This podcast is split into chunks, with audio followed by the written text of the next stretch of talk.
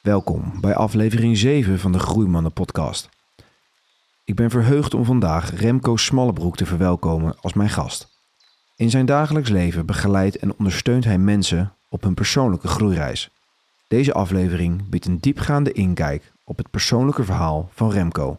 Hij deelt zijn ervaringen tijdens zijn eigen groeiproces, waarbij hij geconfronteerd werd met verlies op professioneel vlak, in relaties en vriendschappen. Daarnaast bespreken we ook het recente verlies van zijn vader. Neem rustig de tijd en geniet van dit authentieke gesprek. Ik hoop dat je er waardevolle inzichten en lessen uit kunt halen. Ja, zo. Ja, en dan eh, vraag ik altijd als eerste even om, eh, aan iemand om zich even kort voor te stellen, want de luisteraar heeft natuurlijk geen idee. Ha, goeie vraag. Ja, dat, is, dat is gelijk al wel een leuke vraag. Want, want wie ben je eigenlijk echt? Ik kan vertellen over eh, hoe oud ik ben en wat ik doe en wat ik gedaan heb en wat ik beleefd ben, maar is dat wat je bent? ja, dat is een goede vraag. Ehm, of wat mijn achtergrond... Ik heb een soort werkend leven gehad in de, in de, in de commerciële wereld, in het bedrijfsleven. Een jaar of 15 gedaan. eh voor ik op een gegeven moment... eh, ehm, ja, tot de ontdekking kwam, dit is niet wat ik wil doen. Liep vast. Waar liep je dan bijvoorbeeld tegen? Waar ik tegenaan liep was dat ik vooral ehm, iets deed waarvan ik dacht dat ik het moest doen. Eh, iets wat ik gezien heb in mijn jeugd, iets wat ik eh, op een bepaalde manier aan het kopiëren was. En, en dat, dat, dat strookte niet met wat ik eigenlijk van binnen voelde. Dus het werken in een, in een, in een hoog commerciële omgeving, eh, waarbij je alles kan bedenken, alle clichés kan bedenken die waar zijn, zeg maar. Ja, want kun je er een paar noemen? Wat, wat, wat, wat verkocht je dan bijvoorbeeld? Ik heb, ik heb tien jaar bij een bedrijf gewerkt in de bouwwereld. Oké. Verkocht ik eh, elektrisch gereedschap, bevestigingsmiddelen voor professionele aannemers, zeg maar. Dus ging ik naar bouwbedrijven toe, eh, bouwplaatsen, om, om dat aan de man te brengen.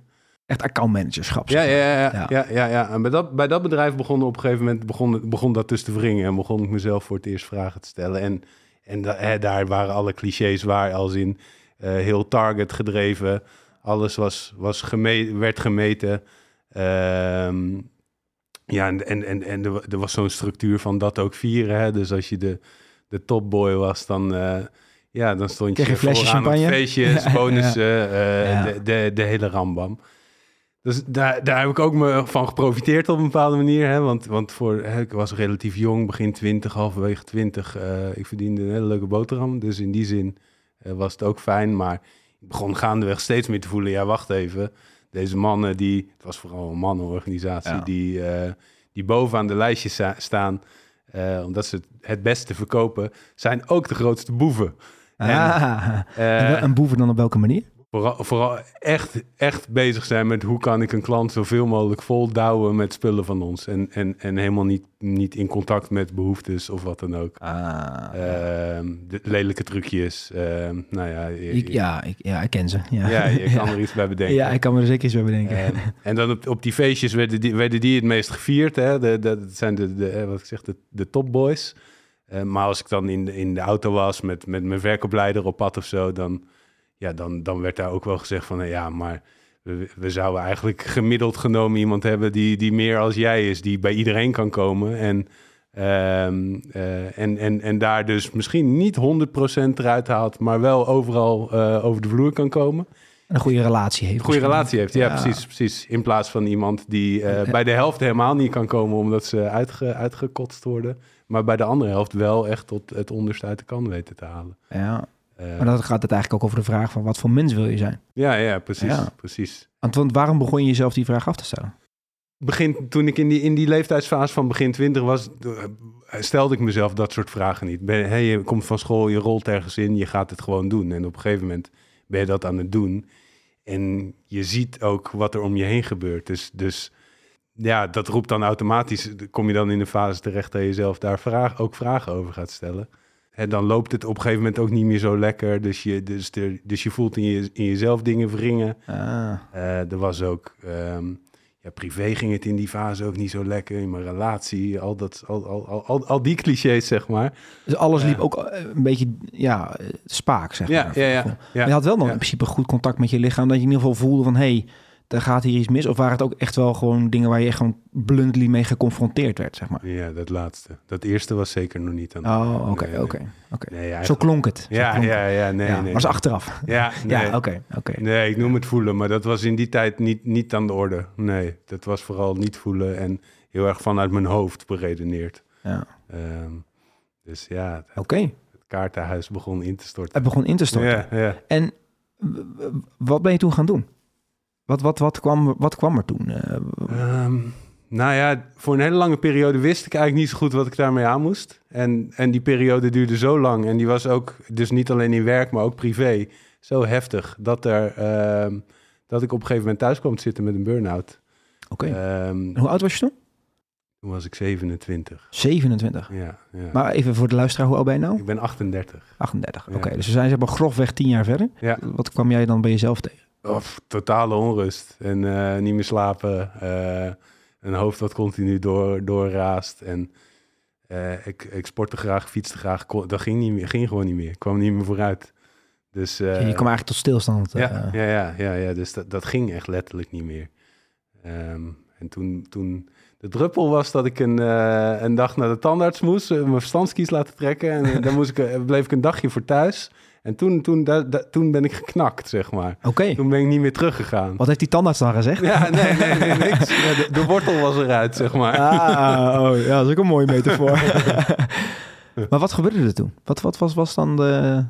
Wat, wat knapte er daar toen dan? Ja, dat je al jaren eigenlijk eh, eh, zo op gespannen voet met jezelf leeft.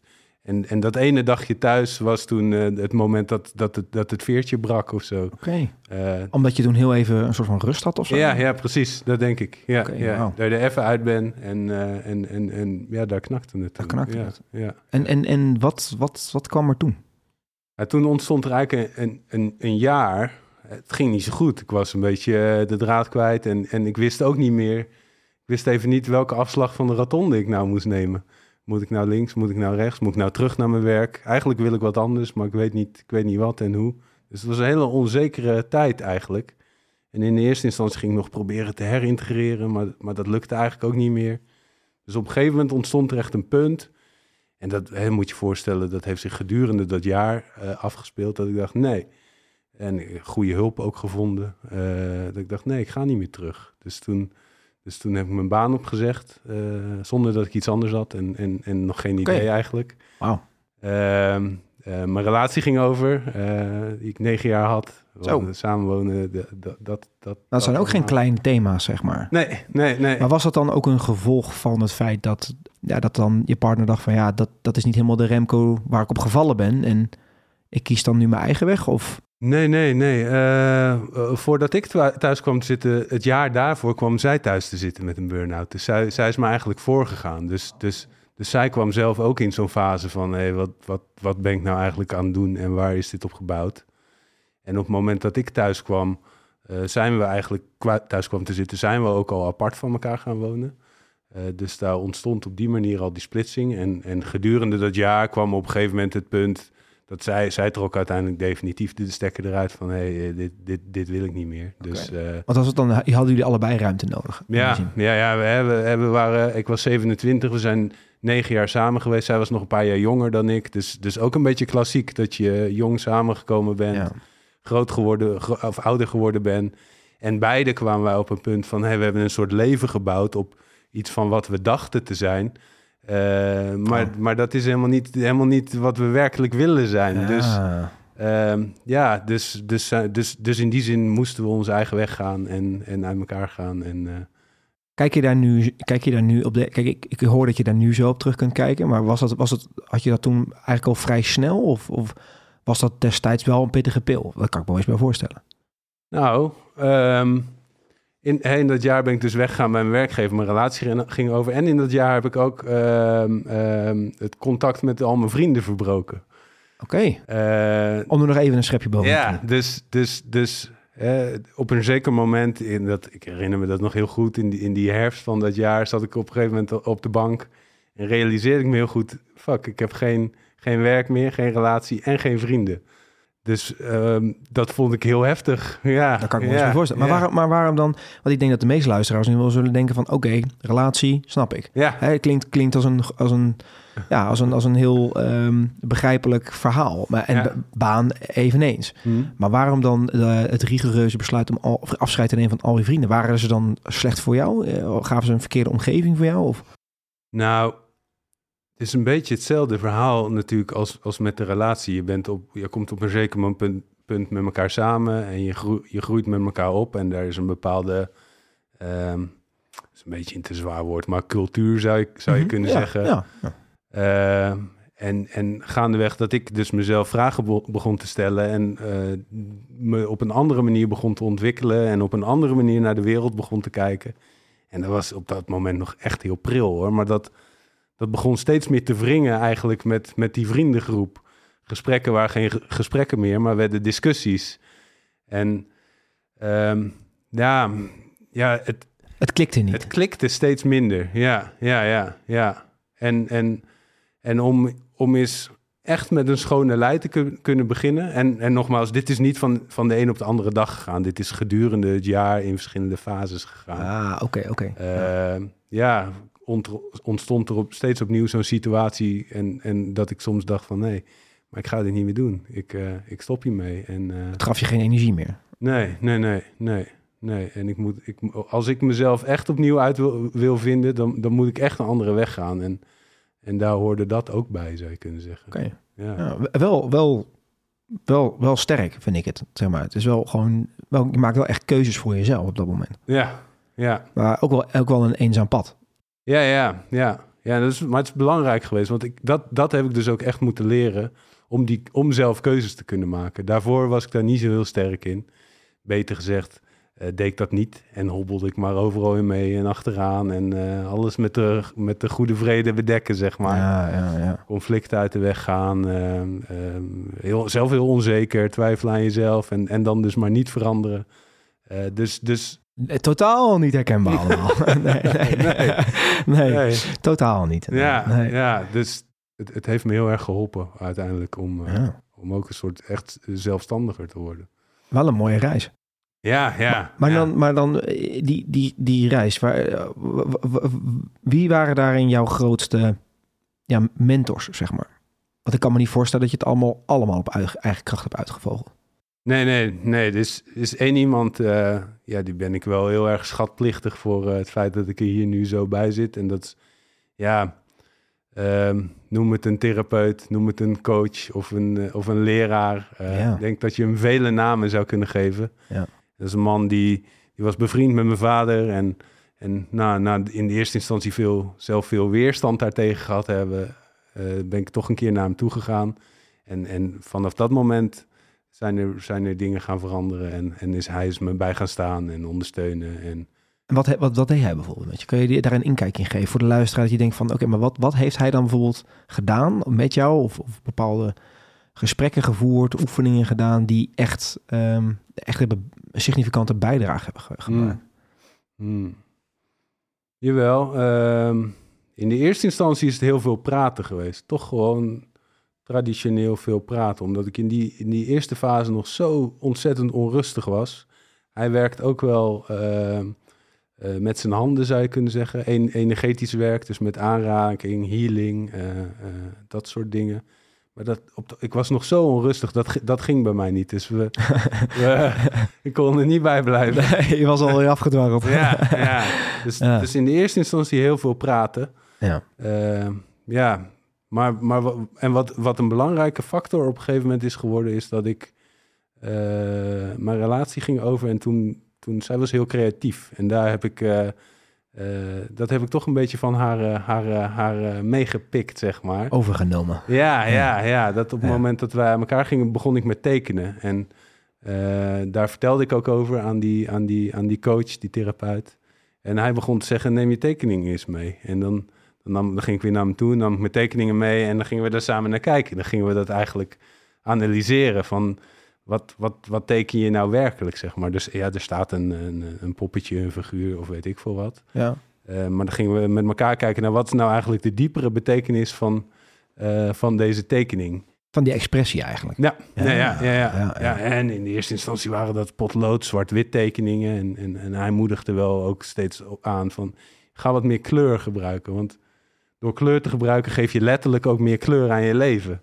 Ah, dat is een Eh, mooie metafoor. Dus op een ja. gegeven moment ben ik, ben ik meer kleur gaan gebruiken. En, en, en zo is mijn tekenhobby heeft zich eh, op, eh, ja, niet alleen als hobby ontwikkeld... maar ook op een soort dieper niveau, zou je kunnen zeggen. Ah. En tekenen werd op een gegeven moment schilderen... en is dus een van de dingen die ik nu nog doe. Ah, oké. Ja, want daar komen we natuurlijk zo meteen nog op. Ja, ja, ja, ja. Wat was voor jou de aanleiding om ja, eigenlijk jezelf te gaan verdiepen in de wereld van bewustzijn? Ook in de zin van, ik ga er zelf iets mee doen. En dan bedoel je werkgerelateerd. Ja, want, want eh, even voor de luisteraar, jij, jij, jij doet iets met, Coaching? ja, is dat nu ook jouw fulltime ding? Of Nee. doe je dat erbij? Ja. Dat doe je erbij. Ja, Ja. ja. ja. we ook nog een betaalde baan en, eh, en dit doe ik erbij. Ja. En, en waarom, waarom, wat heeft jou toege, wat heeft toegeleid om dat te gaan doen? Ik heb altijd, we hadden het even over mijn commerciële werk en, en ik was niet zo'n supergoeie verkoper, maar ik kon wel heel goed met mensen omgaan. dus, dus, ik heb altijd, dus ik heb altijd die trek gehad. Ik kan goed relaties bouwen, kan goed in contact zijn met mensen. En naarmate ik me dus zelf ging ontwikkelen, merkte ik ook steeds meer, ja, ik wil dat ook, wil dat eigenlijk toepassen, ook op een professionele manier, maar eh, dan, dan dat ik mensen kan begeleiden, dat kan helpen. Dus Ja. Dus die drang, die is er eigenlijk, ik, ik, eigenlijk op een bepaalde manier altijd geweest. Alleen dit was gewoon het verlengde daarvan eigenlijk. Precies, Ja. ja, ja, precies, precies, ja. En naarmate ik op een gegeven moment zelf mezelf meer ontwikkeld had en steeds vrijer werd, kon, kon er ook een situatie ontstaan van, hé, hey, maar nu, nu kan ik dat op een gegeven moment, kan ik dat ook in contact met iemand. Nu ben ik zelf stevig genoeg, zou je kunnen zeggen, Ja. eh, om dat ook met iemand te kunnen doen. Ja, en, en, en dat is wel een, een goede vraag. Ik, ik heb wel, dat vind ik wel een interessante vraag, want ik, eh, je hoort wel vaker hè, dat mensen dan eh, hebben dan eh, een, een openbaring en die, die komen zichzelf tegen. Die gaan dan een paar sessies therapie doen. Ehm, en dan in één keer ja, vallen ze eigenlijk in een soort volgend ego Ja, en willen ze een soort van de redder zijn voor anderen. precies. Terwijl ze eigenlijk nog niet helemaal door, hè, door, de, door de modder zijn gegaan. Ehm, dus kijk, nou twijfel ik daar bij jou niet aan overigens hoor. Maar wa- wat ik bedoel, de vraag is... ehm, hoe, hoe, hoe voelde jij bij jezelf van... nu is dat moment dat ik stevig genoeg sta? Van hoe, hoe weet... Ja, dat weet je niet, maar dat voel je denk ik. Zo is het. Ja. Maar wa- wa- wanneer voel... Wat, wat voel je dan? Ik weet ook niet. Ik vind het overigens een heel goed punt wat je maakt eh, om te beginnen. Dat, dat inderdaad twee sessies bij een therapeut en dan denken dat je de wereld kan redden. Volgens mij is dat niet helemaal de manier. Eh, Nee. hier gaat ook gewoon eh, bijna tien jaar werk tussen aanhalingstekens aan vooraf. Ja. En het is eh, soms heel diep door de modder gaan Ja. en eh, heel lelijk op je snuffert gaan. En, Ja. en ook wel meer dan één keer. Eh, eh, maar toch steeds verder die, die schil, schil afpellen. Ja, ja, ja. Eh, en, en hoe voel je dat? Ja, Of, of gaat het dan gewoon Het is- vanzelf? ja het, is, het is niet één moment, maar ik kan me nog wel de, de fase herinneren. De fase waarin de behoefte al wel heel lang had en al wel een beetje aan de randen wat aan het doen was. Maar dat het echt dieper kwam, kwam doordat er een soort hè, een hoofdthema wat speelt altijd in mijn leven. Dat, dat kwam nog een dag, laagje liep, dieper, laagje vrijer. En toen voelde ik ook een soort van, van beweging vooruit of zo. Ah, En, en nu ga ik het doen ook. de laatste Ja. blokkade, zeg maar. Ik denk niet dat het de laatste was, ja, maar... ja. Nee, we zijn nooit klaar. Hè? We zijn nooit klaar. Maar wel, wel een belangrijke. Ja, ja, ja, wel een belangrijke. Ja, ja. En wat was dat terugkerende thema voor jou? Eh, ja, dat gaat over de relatie met mijn vader. Oh. Eh, ja, dat is toch een, eh, een nou, voor mannen denk ik een niet onbekend thema. dat zou, dat denk ik niet. Nee, Nee, dat denk nee, ik niet. Nee, nee. want zou je, zou je er wat over willen vertellen? Zeker, zeker. Ehm, met de kanttekening dat mijn vader een paar maanden geleden overleden is. Oké. Dus dat is ook dat is nog redelijk pril en dat, Ja. dat speelt ook nog mee. Ja. Ehm, ja, beetje klassiek ook wel weer. Eh, de, eh, in, in mijn jeugd was mijn vader een... eh, ik, ik, ik heb, ben me in materiële zin aan niks ontbroken, maar Ja. eh, emotioneel afwezig. Enerzijds, aan de andere kant heel dominant. Eh, dus, er was, eh, dus er was een soort verwarrende, verwarrende relatie was dat eigenlijk. Ja. Dat je, als die er was, was het heel strikt en streng en, en manieren zoals het moet. Eh, maar eigenlijk emotioneel was die er helemaal niet. Dus, dus, dus in mijn herinnering zie ik ook wel, en, en zie ik ook wel, zie ik ons als gezin. Ik heb een zusje en een moeder uiteraard aan de, aan de, aan de eetkamertafel zitten. Maar in mijn herinnering zie ik mijn vader er niet altijd bij zitten. Terwijl die er wel was. Ah. Eh, dus dat is de basis van een beetje, eh, ja, verstoorde, En, eh, verstoorde ja, relatie. nou ja, het grappige is dat ik dat, dat ik dat ook wel herken. Ja. Ja, Wat voor manier? Nou, mijn, mijn vader leeft nog en die zal dit misschien nog steeds wel luisteren ook.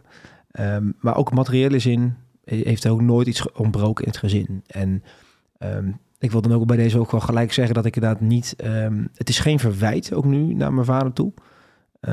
Maar het is meer een, een, een reflectie op hoe ik me gevoeld heb als kind. Mhm. Inderdaad. Ik, eh, kijk, hij, hij was er, fysiek. Eh, financieel heeft hij eh, alles altijd goed voor ons gedaan. Dus daar kan ik, kan ik ook niks op zeggen. Maar er waren gewoon bepaalde emotionele behoeftes voor mij als klein jongetje. En ja, daar is niet toen in tegemoet gekomen, zeg maar. En ja, wie, dat is niet per se een soort schuldvraag voor mij meer. Dat was het vroeger wel, maar nu niet meer. Nu is het gewoon van ja, het is wat het is. Ehm, maar dat heeft inderdaad ook wel geresulteerd in dat, ja, dat ik daardoor ook wel een bepaalde verbinding met mezelf niet goed heb kunnen aanleggen. En die moest ik dan later gewoon even, ja, e- even, hè, tussen haakjes, even zelf oplossen. Ja, Ja, dat, dat, dat herkenbaar. ja. ja in, mijn, in mijn jeugd heb ik, ik had niet het gevoel dat er heel veel eigen ruimte was, zeg maar. Dus er, er was niet echt ruimte om zelf te ontwikkelen of om, om fouten te maken. Of, eh, of, Maar wat deed jouw vader bijvoorbeeld dan? Die, Nou ja, bijvoorbeeld als op momenten dat, we, eh, dat er een klusje gedaan moest worden, dat er, dat er in huis verbouwd werd of, of dat soort dingen, dan, hè, dan, dan, mo- dan, mo- dan moest ik wel helpen als kind, maar dan was je echt het hulpje, zeg maar. Dan, de, als ik een gaatje moest boren of zo, dan schoot de spanning al, eh, al eh, mijn Ja. oren uit. Want ja. wat, dan, dan voelde ik al de angst om een foutje te maken. En, en dat ging dan natuurlijk fout. En dan kreeg ik ook op mijn lazer. En eh, ja. Ze was heel streng ook. ja, ja, ja, ja. Kon, kon, u, kon u wel zijn. Ja, Ja. ja. Zeker. Veel van dat soort momenten. Ja. En, en, en hoe heeft dat, want ik denk dat ja, veel luisteraars dit misschien ook wel herkennen, ehm, in meer of mindere mate. Ehm, ma- maar wat, wat heeft dat, wat merkte jij bijvoorbeeld van, ja, van die manier van opvoeding in je latere leven? Wat, hoe heeft dat jou gevormd, zeg maar? Nou, in, het- eerste deel ben, je dat, ben ik dat eigenlijk gaan kopiëren, zou je kunnen zeggen. Oké. Is, ik, ik was ook emotioneel niet aanwezig, eh, totaal afgesloten van mijn gevoel. En probeerde dat te, te, te maskeren door juist heel, heel dominant en controledrangerig te zijn. Dus hè, nou ben ik van nature al vrij lang, maar eh, mezelf heel groot maken. Om, maar om vooral maar niet door de man te vallen, zeg maar. Dat er Oh. eigenlijk heel, wel heel veel gevoeld en gebeurd wordt. Of wat ik dus buiten de deur probeer te houden. En hoe manifesteerde dat bijvoorbeeld in je relatie? Eh, vooral heel erg proberen zelf de controle te houden. En, en haar daarin dus ook niet de ruimte te geven om dichterbij te laten komen. En in mijn werk, in mijn werk probeerde ik dat wel te zijn, maar er waren, er waren grotere, zeg maar. grotere alfa's. En, dan, eh, en, dan, en da- dat vond ik dan toch ingewikkeld. Want Ja. dat herinnerde me dan toch aan, aan mijn vader, zou je kunnen zeggen. En, en, en, dan, en dan werd ik klein. Dus dan ging ik me Oh, klein ja. voelen. Dus ik, dus ik kon wel ik kon me heel groot voordoen, maar op het moment dat ik een, een nog grotere alfa tegen ja, dan, eh, dan, dan bleef er al gauw niet zoveel meer van over, zeg maar. Oh, wat grappig Anders. dat je daar zo op terugkijkt. Ja, ik vind ik wel, ik vind het wel, wel mooi hoor, dat je daar zo heel erg eh, Ja. eerlijk zo over kan op terugkijken. Ja, ja, ja. vind ik heel mooi. Dus. Ik had in heel veel moeite in die tijd ook met, eh, met als, als de directeur dan maar binnen hoefde te komen of zo, dan, dan voelde ik me al, al klein worden. Dan maakte ik me al klein. Gewoon vanwege het feit dat het iemand is met een, met een soort status, autoriteit. Ook een werk is een soort eh, eh, metafoor voor je familiesysteem. Dus Ja. die directeur was op dat moment mijn vader, zeg maar. Ja, Terwijl herkenbaar. die helemaal niks deed, hij kwam gewoon binnen. Ja, ja. gewoon de energie die er vanaf kwam. Ja. Triggerde al iets. Ja, Ja. Oh, wat herkenbaar zeg. Jeetje. Ja. Maar, terug naar jou, maar naar, terug naar jouw verhaal. De, Ja. de, de, je, je, je- de relatie met je vader. Ja, En dat, en dat nam dan vormen aan. En wanneer merkte je dan bijvoorbeeld dat het... Wanneer kwam bij jou het bewustzijn dat, je, dat het daar vandaan kwam? Want dat, dat, is ook wel, dat is ook wel een ding. ben je toen met, iets met familieopstellingen gaan doen? Of wat heeft ervoor gezorgd dat je eigenlijk begon door te krijgen... hey, hoe, hoe al die energieën in de familiesetting... Hm. die hebben invloed op wie ik nu ben. Ja, ja. Dat zal voor veel mannen namelijk ook best wel een nieuw... kan ook een heel nieuw thema aansnijden Hm, nu. hm. Van, huh, maar hoe werkt dat dan? Ja, nee, dat is wel een mooie vraag ook. Ook, want ook dat, ook dat is heel geleidelijk gegaan. Ik, had, ik ben natuurlijk ben bij iemand terechtgekomen die mij ging helpen, wat een vriend van mijn vader was. Dus, dus die kende mijn vader ook heel goed. Dus, dus, dus hij wist donders goed eigenlijk al heel vroeg. Hij had het natuurlijk al gelijk, of veel eerder in de gaten dan ik, van waar de, waar de pijn zat. En door, Ah. en door in de eerste instantie heel veel met me te gaan praten. eh, over, over hoe gaat het, hoe gaat het in je familie, hoe gaat het met je vader, hoe gaat het met je moeder. eh, is, dat om, is die dat denk ik onbewust al een beetje gaan losweken bij me. En, en hoe, ja, wanneer ik dat zelf echt ben gaan realiseren. Dat is een hele goede vraag. Ja, dat zit al veel, eigenlijk veel, veel eerder, maar waar ik het, wanneer ik het echt doorkreeg is denk ik nog niet eens zo heel lang geleden. Dat is drie jaar geleden, vier jaar, nee, vier, vijf jaar geleden. Oké. Toen ben ik eh, eh, naar een plek verhuisd eh, waar ik niet zo, niet zo happy van werd. Ik ben in een groep gaan wonen met allerlei andere mensen. En dat vond ik heel ingewikkeld. En op een gegeven moment kreeg ik in de gaten waarom ik dat ingewikkeld vond. Dat de groep mensen stond eigenlijk symbool voor mijn vader. Ah. En, en, en dat er dus op het moment dat er dan een soort autoriteit om me heen is, dat ik dan, eh, dat ik dan niet zo goed meer weet wat ik met mezelf eh, aan moet. En, en daar is dat kwartje eigenlijk gevallen. Denk, oh fuck, dit is weer diezelfde, datzelfde symbool, zeg maar. Wat keer op keer eigenlijk in allerlei andere vormen eh, eh, zich weer voordoet in mijn leven. Hoe, hoe heb je dit... ja, dit is echt bij gebrek aan beter. Betere bewoording. Hoe heb je dit opgelost? Hoe, hoe ben je dit gaan aanvliegen, zeg maar? Of Wat heeft ervoor gezorgd dat dit is, vooral intern in jou, ehm, dat je daar anders mee omgaat? is sowieso nog niet opgelost. Ik weet niet of het ooit opgelost raakt. Ik denk dat het op een bepaalde manier altijd onderdeel van me zal zijn. Maar doordat ik me wel verder doorontwikkeld, dat stukje blijft hetzelfde formaat, maar ik word steeds groter. Dus, dus daardoor ontstaat er wel steeds meer ruimte omheen. Snap je? In ik snap hem zeker. Ja, nee, dit, dit, dit, dit, zo voelt het voor mijn eigen zelf Ja. ook. Ja. Ja, ja, ook daar is weer niet één antwoord op mogelijk. Ik, ik ben er op, op een bepaalde manier in, in verschillende therapievormen, workshops, kom, komt dat steeds weer, kom ik dat steeds weer tegen. Gelukkig heb ik wel een vader die op een gegeven moment zelf ook eh, zichzelf is gaan ontwikkelen. Dus ik heb wel ook met hem al die gesprekken kunnen voeren. Oh, dat is wel heel erg mooi. Dus zeg. daar, is- daar is Ja. heel, hè, dat was soms wel even eh, strijd, maar daar is wel uiteindelijk heel veel ruimte voor geweest. Dus dus ik heb wel met hem al die uitwisselingen kunnen doen. Eh, er, hè, er is ook van zijn kant erkenning geweest en de sorry's daar waar nodig. Dus, Oh, dat is wel heel mooi. ehm, dus, dat, dus dat is ook een belangrijke factor daarin Ja. geweest. Een stukje heling misschien ja, ook wel. absoluut. Ja. Ja, ja, ja, absoluut. Dat is absoluut. mooi. Ja, Mooi. Fijn dat, dat, eh, dat je dat hebt kunnen vinden. Ja, ja, ja. ja, en ik denk dat ongoing is eh, nog steeds. Zeker, hij is afgelopen jaar overleden. Dan, hè, dan schudt dat weer even flink aan de boom, zou je kunnen zeggen. Dus, dus ja, nee, het is eigenlijk op een bepaalde manier wel weer heel relevant ook. Ja. Er is een keer, eh, dat heeft ergens in een boek gestaan, maar ik weet niet meer welk boek het was. Van een, een, een, een jongen wordt pas een man als hij zijn vader verliest. Hm. En dat is dan niet letterlijk bedoeld, maar het heeft ook iets metaforisch. Hm. Maar he- heeft het jou op een bepaalde manier doen groeien? Eh, sowieso. Maar, maar het overkoepelende ding wat het is, is, is dat het ook iets heel bijzonders is. Het hele proces van dat hij, zeker in de laatste fase, hij was ziek. eh, dus, en dat hij steeds zieker wordt en echt naar zo'n laatste fase toe gaat. Waarin je weet, nou hij is er nog maar een paar weken. En het overlijden zelf, die week, zeg maar. Eh, het is ontzettend intens, verdrietig, maar ook heel bijzonder. Want het is alsof even, even alles bloot komt te liggen. Alle, Ja. alle mooie gevoelens, alle minder mooie gevoelens. eh, het, het, het totaalpakket. Het, het, het- er, is geen, er zijn geen filters meer, zeg maar. Nee, niet. Nee, nee. en is dat dan voor jouw gevoel omdat, ehm, ja, om, omdat je letterlijk met elkaar eigenlijk het einde van de tunnel ziet en zoiets hebt van ja, weet je, als we, als, als we nu niet gewoon eerlijk tegen elkaar zijn, ja, dan Nou, we hebben wel het geluk dat we met elkaar en ook samen met zijn vriendin en, en mijn zusje, we hebben dit hele proces sowieso al in openheid met elkaar kunnen beleven. Dus, dus we hebben niet, we, er zijn geen, geen barrières geweest om het over de dood te hebben, om het over zijn ziek zijn te hebben, om het te hebben over zijn crematie, eh, over de gevoelens die we allemaal individueel hadden. Die drempels, die, die, die waren er al niet.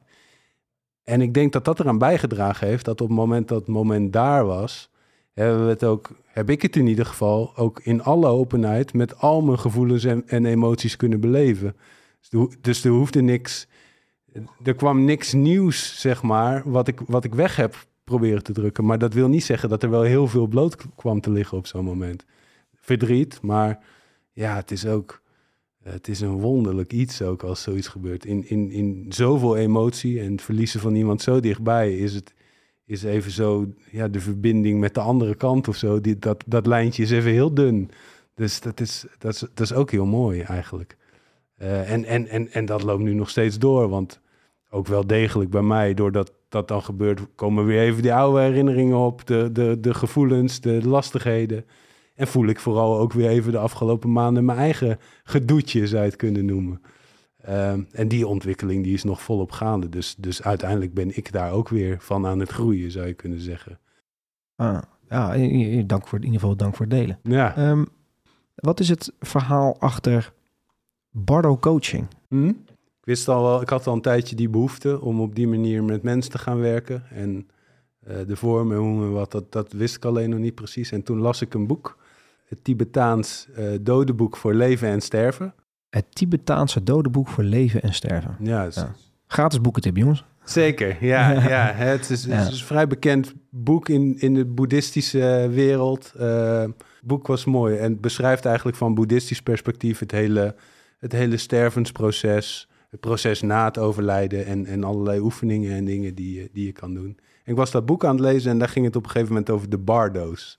De bardo's? Ja, de bardo's. Uh, de meeste mensen zullen het kennen vanuit het boeddhisme als de periode of periodes die ontstaan na het moment dat je overlijden overleden bent en voor het moment dat je weer wedergeboren wordt vanuit het Tibetaans-boeddhistisch perspectief.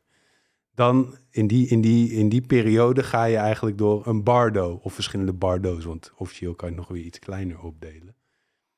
En, en bardo's zijn dan eigenlijk een, een, een eh, letterlijk vertaald fases? Of?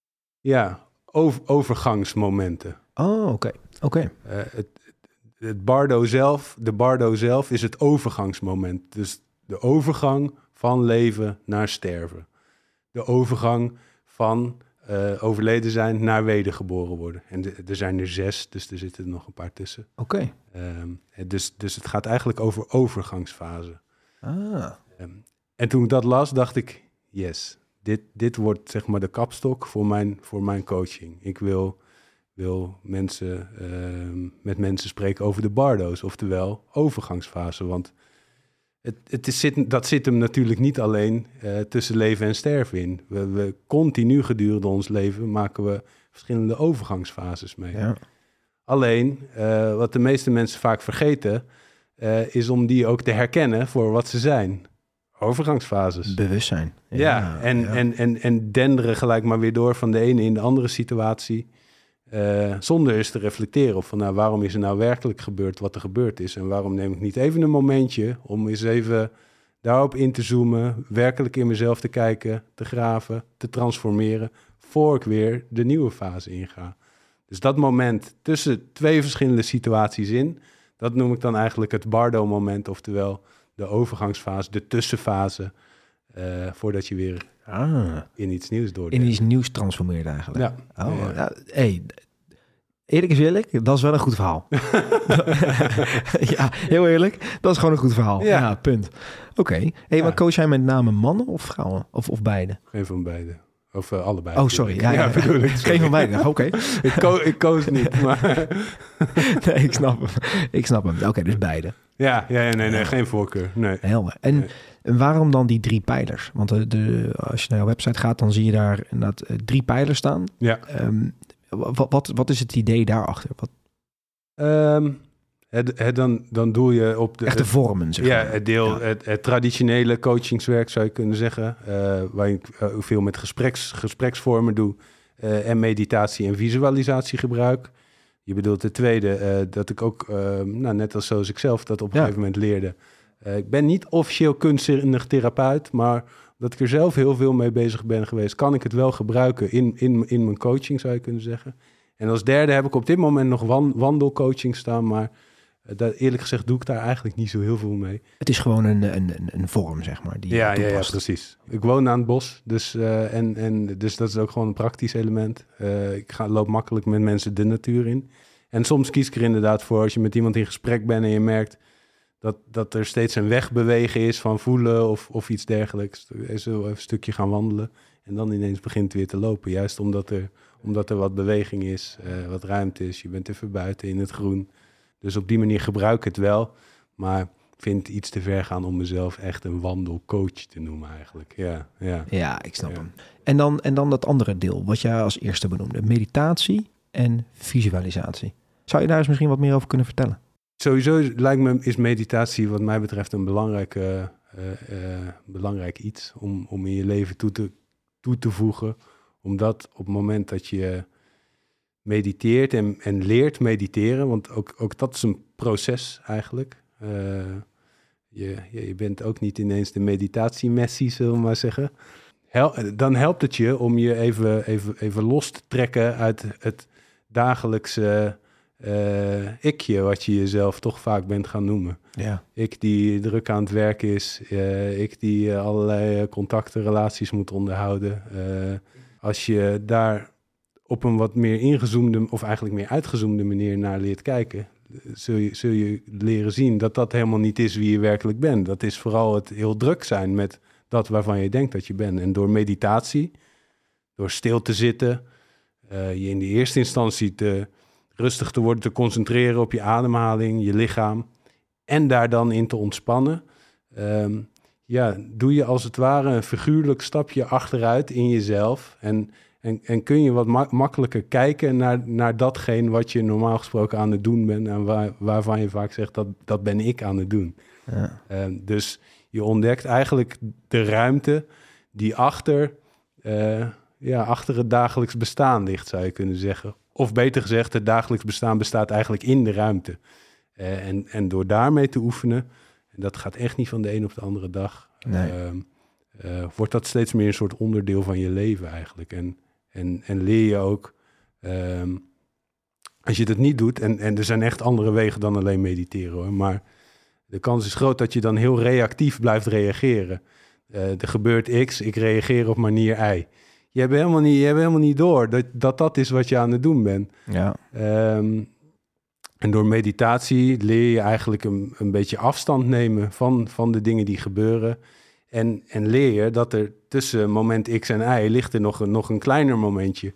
Een momentje waarin je even kan re- reflecteren, even kan zien wat er gebeurt. En ook een ander besluit kan nemen. Een besluit om niet te reageren. Stel, jij zou nu wat lelijks tegen mij zeggen. Dan kan ik gelijk terugreageren. Omdat dat eh, nou, mijn, mijn, mijn natuurlijke conditionering is. Of mijn niet-natuurlijke conditionering.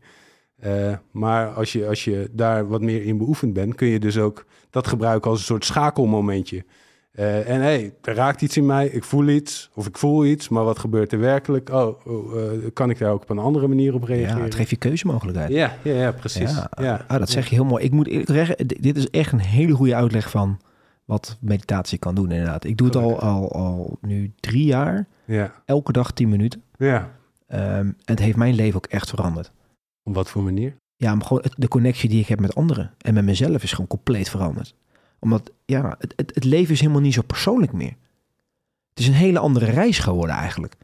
Ik ben gewoon een mens met gevoelens en dingen en egootjes en, en, en allemaal dat soort eigenaardigheidje, eigenaardigheden en een soort karakter default. Die bestaat uit eh, nou ja, een aantal kleurtjes, eh, dat ken je waarschijnlijk wel. Maar dat is niet wie ik ben. Ja, want hoe lang doe je het zelf? Eh, tien jaar? Ah, je bent ook al even onderweg. Ja, en, en dat, ook, ook, ook dat is met vallen en opstaan gegaan. Ja. In die eerste fase ehm, ook gewoon gaan zitten, maar ook hele periodes geweest dat het gewoon niet ging. Dat ik gewoon nog zo onrustig was. En eh, ehm, dat ik dacht, nee, maar dit, dit werkt nu niet. Dus het, het erin forceren, dat heb, ik, dat heb ik nooit gedaan. Ik geloof ook niet dat dat de manier is. Denk, Nee, ik weet ook niet dat, of het voor iedereen op ieder moment goed is. Maar ja, het is toch altijd wel op een bepaalde manier ergens bij me gebleven. En Wanneer moet je nou beginnen met meditatie? Want voor heel veel mannen zal dit echt zoiets hebben. Ja, mediteren, ga ik een beetje in mijn kleermaker zitten, op een kleedje zitten. Maar ja, dat is natuurlijk eigenlijk niet wat het is. het hoeft helemaal niet, je hoeft helemaal niet per se een kussentje te hebben. En het, het draait helemaal, daar draait het al niet, niet eens per se om. Maar hoe zou je het adviseren bijvoorbeeld als mannen nu luisteren en denken van... Oké, ik hoor jullie beiden echt eh, lovend zijn over de, de effecten en de, hè, de resultaten die je kan behalen met, met mediteren. Ja, Goede oefening, ja. waardevol. Maar je zegt van ja, het is niet voor iedereen op elk moment het juiste om op te pakken. Nee, ik denk dat het belangrijk is om jezelf die flexibiliteit te moeten blijven gunnen. Maar de basis, en dat is misschien een beetje tegenstrijdig, is, is wel gewoon ook een, een gewoonte creëren door met jezelf af te spreken in, in een beginfase. Ik ga het iedere dag vijf minuten doen, bij, bij wijze van spreken. Ja. Eh, Maar je moet er wel de ruimte voor hebben. gewoon, ja, maar je moet er ook ruimte voor maken als, je dat, als dat is wat je wil. Ja, toch? Ja. Ehm, dus in basis om, een- om, om, om het onderdeel van je leven te laten worden, denk ik dat dat best goed is. Maar, eh, niet geforceerd. maar ook een beetje lief blijven voor jezelf. Ja, als, als, als het nou echt niet gaat, ja, dan, dan zijn er misschien andere manieren. Het gaat niet over lukken, maar de ene keer lukt het beter dan de andere. Ik ben ook nog wel eens hartstikke onrustig. eh, maar, maar een dag later kan het weer totaal anders zijn. Ja. Dus eh, je moet het ook niet zien als een soort van paracetamolletje voor de hoofdpijn. Eh, nee, hè? Nee, eh, nee. het is, het Nee. Is, het is, dat is het ook niet.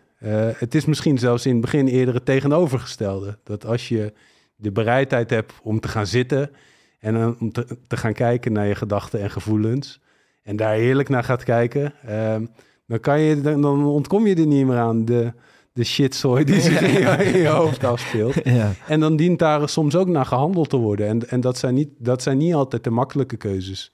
Dus je, dus, dus je moet ook een soort innerlijke bereidheid hebben om, om dat proces aan te gaan. Ah. Waardoor het nog weer een slag dieper ging, is dat ik me realiseerde dat ik tot dan toe, en dat, dan praat je echt over jaren, toch altijd bezig was geweest met een soort van het rustig krijgen in mijn hoofd, het stil krijgen in mijn hoofd, er, er geen gedachten meer laten zijn in mijn hoofd. En ineens viel dat kwartje door, door eh, op een retraite die ik aan het doen was. En dat was ook een boeddhistische retraite, eh was tien dagen in Nepal.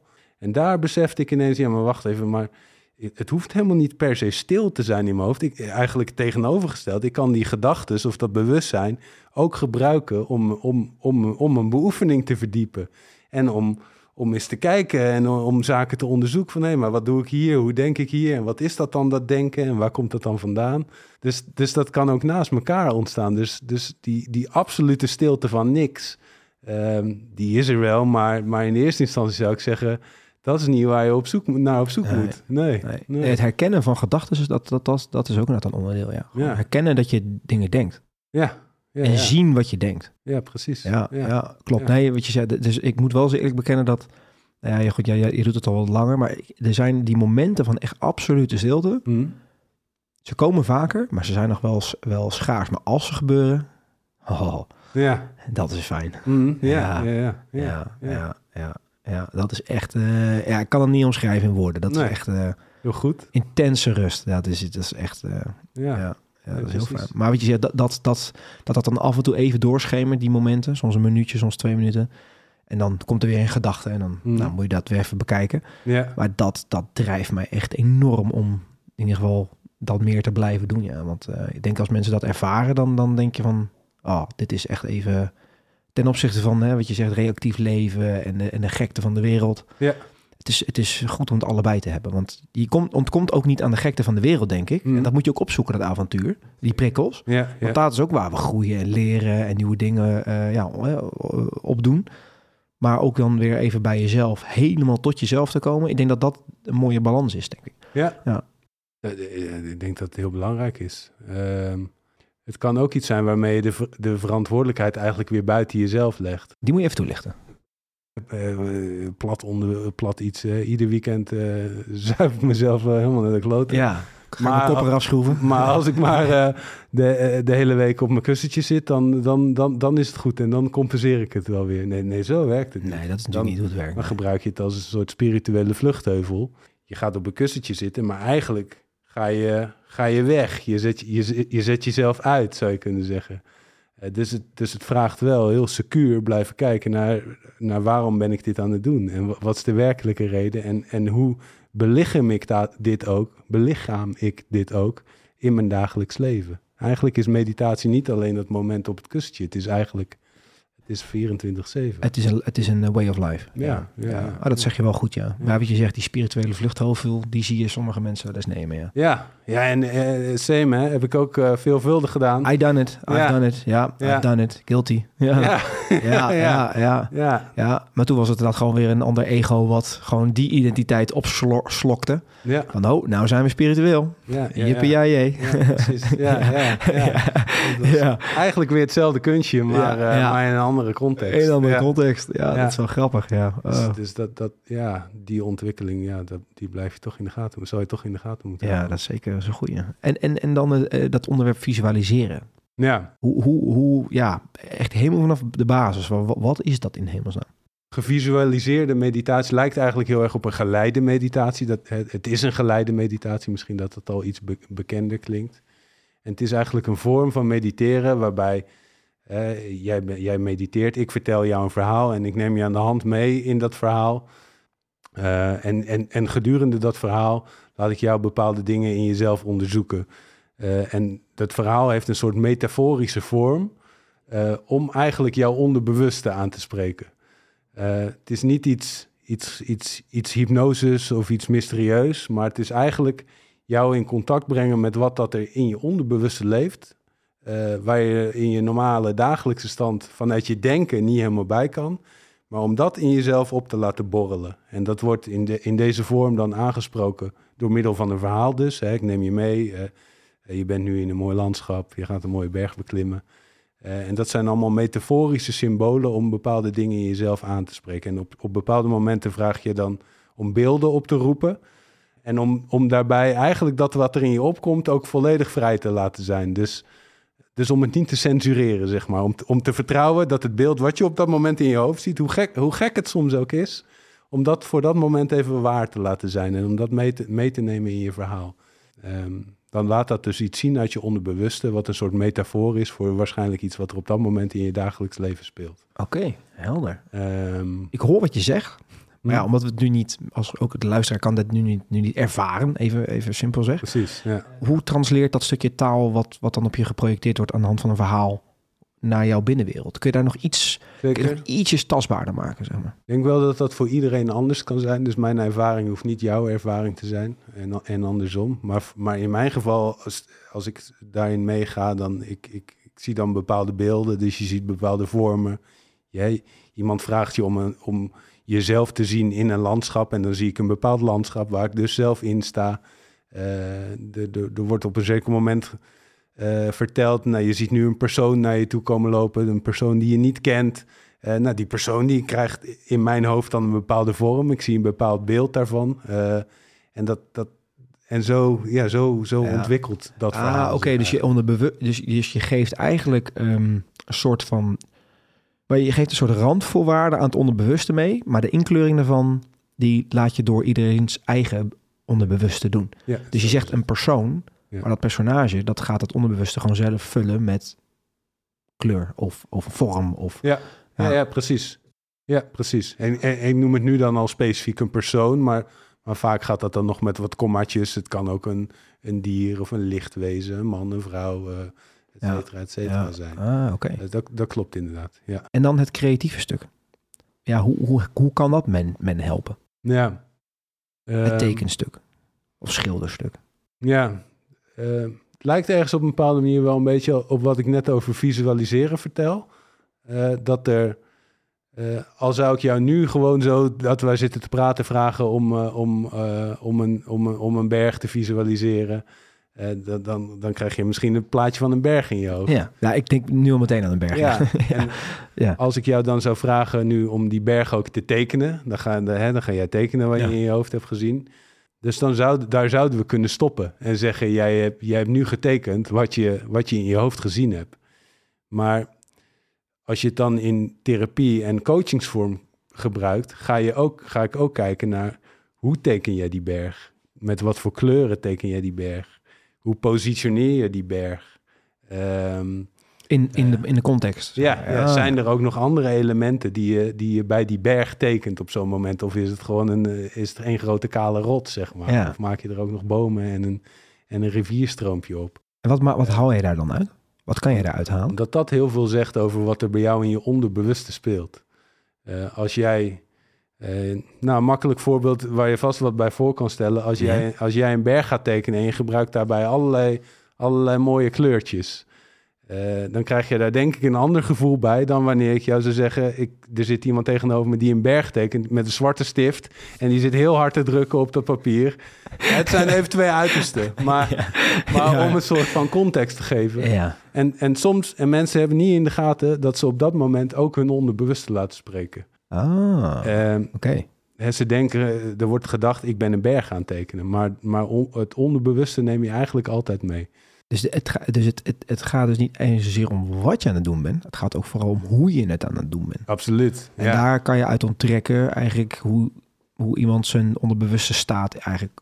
Nou, niet, kan niet alles eruit onttrekken, maar je kan er iets, iets aan uit Ja, onttrekken. ja. ja. ik, ik gebruik het in die momenten vooral als een soort leidraad om een, om een gesprek te voeren. Ik zie op zo'n tekening dan elementen waarvan ik denk, hé, hey, daar kan ik wat over vragen. Of hey, ja, ja, dat ja. gebeurt er of dat speelt er. Of hé, hey, eh, kan je mij eens uitleggen wat dat symbool voor je betekent? Of, Aanknopingspunten. Ja, ja, ja. Ah, en, en, en daar dan de, de diepte op ingaan. En, en ja, dat is wel wonderlijk ook hoor. Ja, dat geloof ik wel. Ja, maar als je het nu zo zegt, dan is het eigenlijk best wel heel concreet. Dus het is ook een, een, ehm, een communicatievorm eigenlijk voor, voor, voor, zeg maar, eh, voor, voor jou, maar ook voor anderen die dit toepassen. Zeg maar. Ja, ja, ja. Dus een, een andere brug die je kan maken om contact te maken eigenlijk met iemand. ja het is een, een vorm om woorden te geven aan dat waar nog geen woorden aan gegeven kunnen worden. Ah, ja, mooie. Dat is een mooie. Ja, wat, wat zie jij eh, de, van, van de mensen die je tot nu toe hebt begeleid? Wat zie je vaak als een terugkerend thema? Zie je veel overlap? Bij de- dat dezelfde dingen eigenlijk ultiem diep van binnen eigenlijk allemaal een beetje... Ja, eh, hetzelfde zijn? ehm, nou, de uitingsvormen zijn wel heel anders. Maar, maar de basis ligt toch vaak in, in, in de opvoeding en in de jeugd. Dus, dus ja, het gaat vaak wel over verstoorde gezinssituaties. Ehm, dat is wel een grote overlap. Maar, maar de uitingsvormen zijn bij mij wel heel anders geweest tot nu toe eigenlijk. Dus de,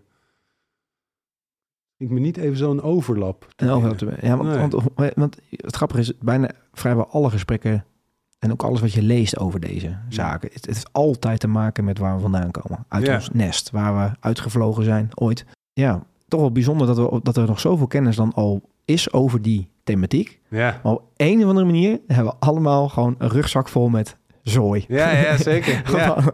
Wanneer Ja. gaan we nou eens gewoon collectief met z'n allen afspreken? Gaan we niet meer doen. Nee, nee, nee. nee. Wat, Ja. wat, wat, wat zou dat, wat zou dat opleveren, joh? Als, we- als we dat nou gewoon eens gewoon kunnen tackelen. Gewoon van tevoren. Of denk je dat het gewoon onmogelijk is om het voor te zijn? Eh, op dit moment wel, ja, denk wel.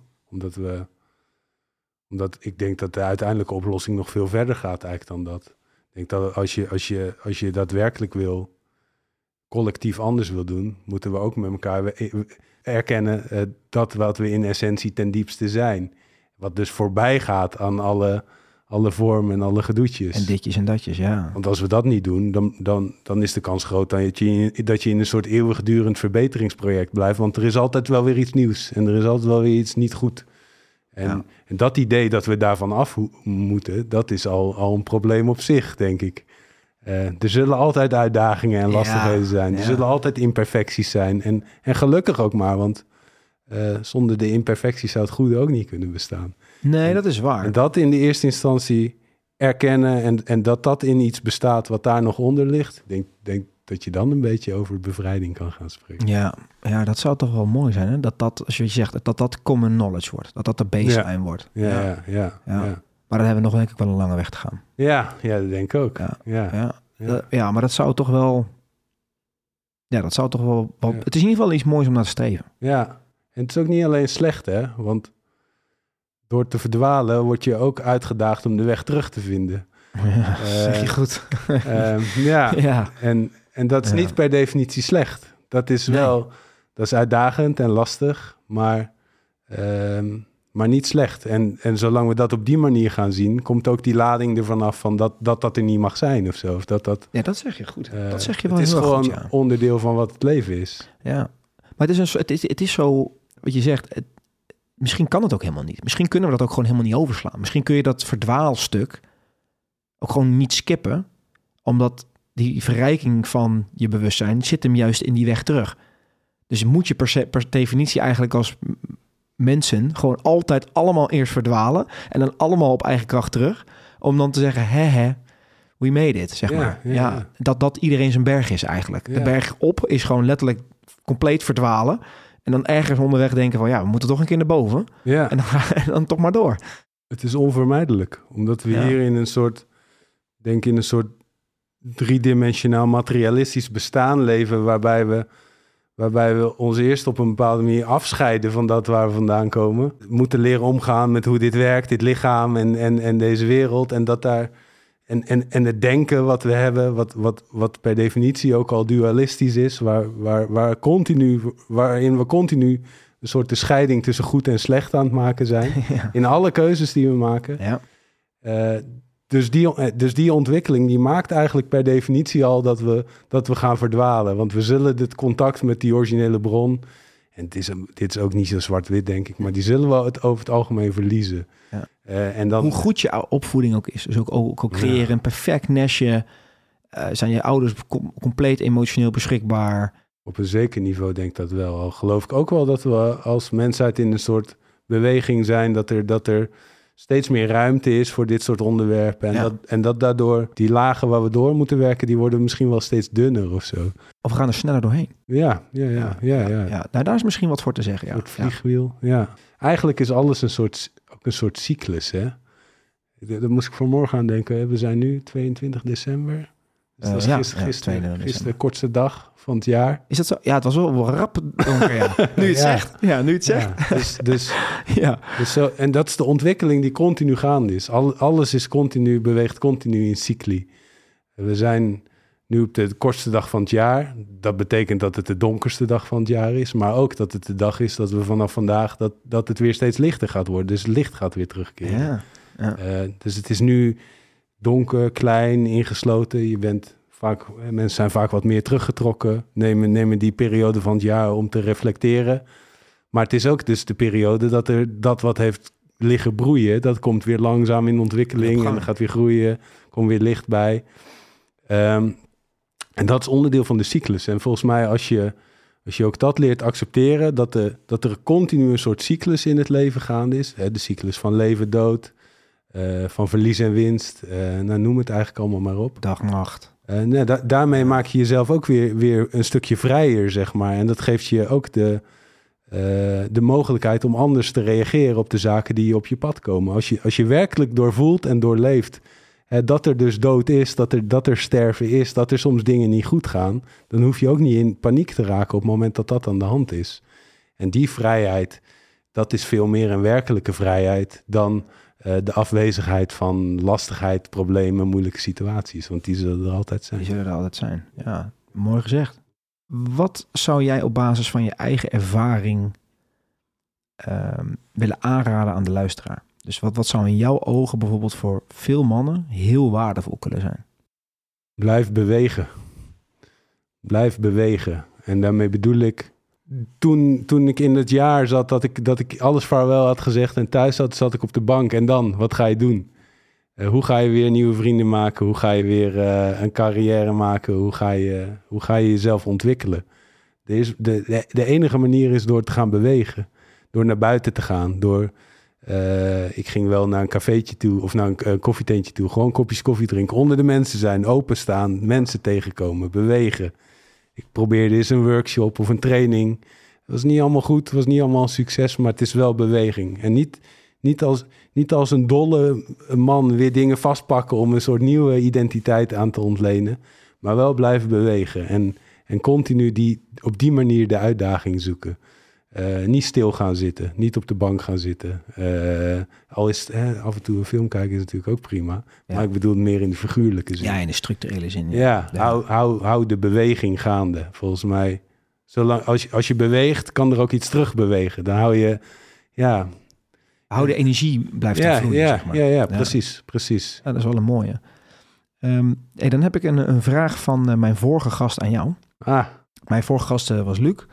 En eh, die is eh, natural bodybuilder. hm? En ik stelde hem de vraag, joh, wat zou jij willen vragen aan de volgende gast? En hij zei, waar zie je jezelf over vijf jaar? Of waar zou je graag naartoe be- willen bewegen in de komende jaren? ja, ik heb nog steeds wel een mooie droom. En dat ik, dat ik hè, en of het vijf jaar is, dat weet ik niet. Maar een, een mooie eigen praktijkruimte heb, die ook atelier is. Want los van dat ik het in coaching gebruik, schilder ik zelf ook graag. Ah, Oké. Uh, dus een soort combinatie waar ik, waar ik ook mijn schilderworkshops kan geven, waar ik coaching kan doen. Uh, en waar ik zelf als atelier kan gebruiken. En, en, en dat in, in volledig gebruik, 100% zelfstandig. Dat is uh, wel waar ik nog steeds stiekem van droom, ja. Ja, mooi. Ja. Dat is een mooie ja. droom. Ja. En dan natuurlijk nu de vraag aan jou. Wat zou jij willen vragen aan de volgende gast? Nee, dan, om ook een beetje te blijven bij hoe we begonnen vandaag. Uh, dan zou ik hem willen vragen, uh, Raoul, wie ben je werkelijk? Oeh, dat is wel echt een, uh, een hele goede vraag. Ja. En hebben we ook weer een cycli gemaakt, hè? Ja, zijn we rond. Non de ja. zijn we rond. zijn we gewoon rond. Ja, het, we zijn er doorheen gevlogen, Remco. Mm -hmm. um, buitengewoon fijn gesprek. Uh, Exact. bedankt voor je openheid. Ja. Uh, zeker ook als ik dan kijk naar de thema's die voorbij kwamen. Dat, eh, ja, dat waardeer ik enorm. Mhm. En eh, ja, hey, fijne energie, fijne vent. Mhm. ja, kan niks anders zeggen. Ja, dankjewel. Dus dankjewel, dankjewel voor je komst. En ik eh, denk weet wel zeker dat hier eh, luisteraars wel wat aan wat aan kunnen hebben. Toch wel. Ja, ja. denk ik wel. Ja. ja. zeker. Jij ook bedankt voor de uitnodiging. Dit was het alweer voor deze aflevering. Persoonlijk ben ik erg benieuwd hoe je deze aflevering hebt ervaren. Wil je meer van dit soort content beluisteren? Bekijk dan alle afleveringen op onze website groeimannen.nl of vind de Groeimannen podcast op Spotify of Apple Podcast. Tot de volgende keer mannen.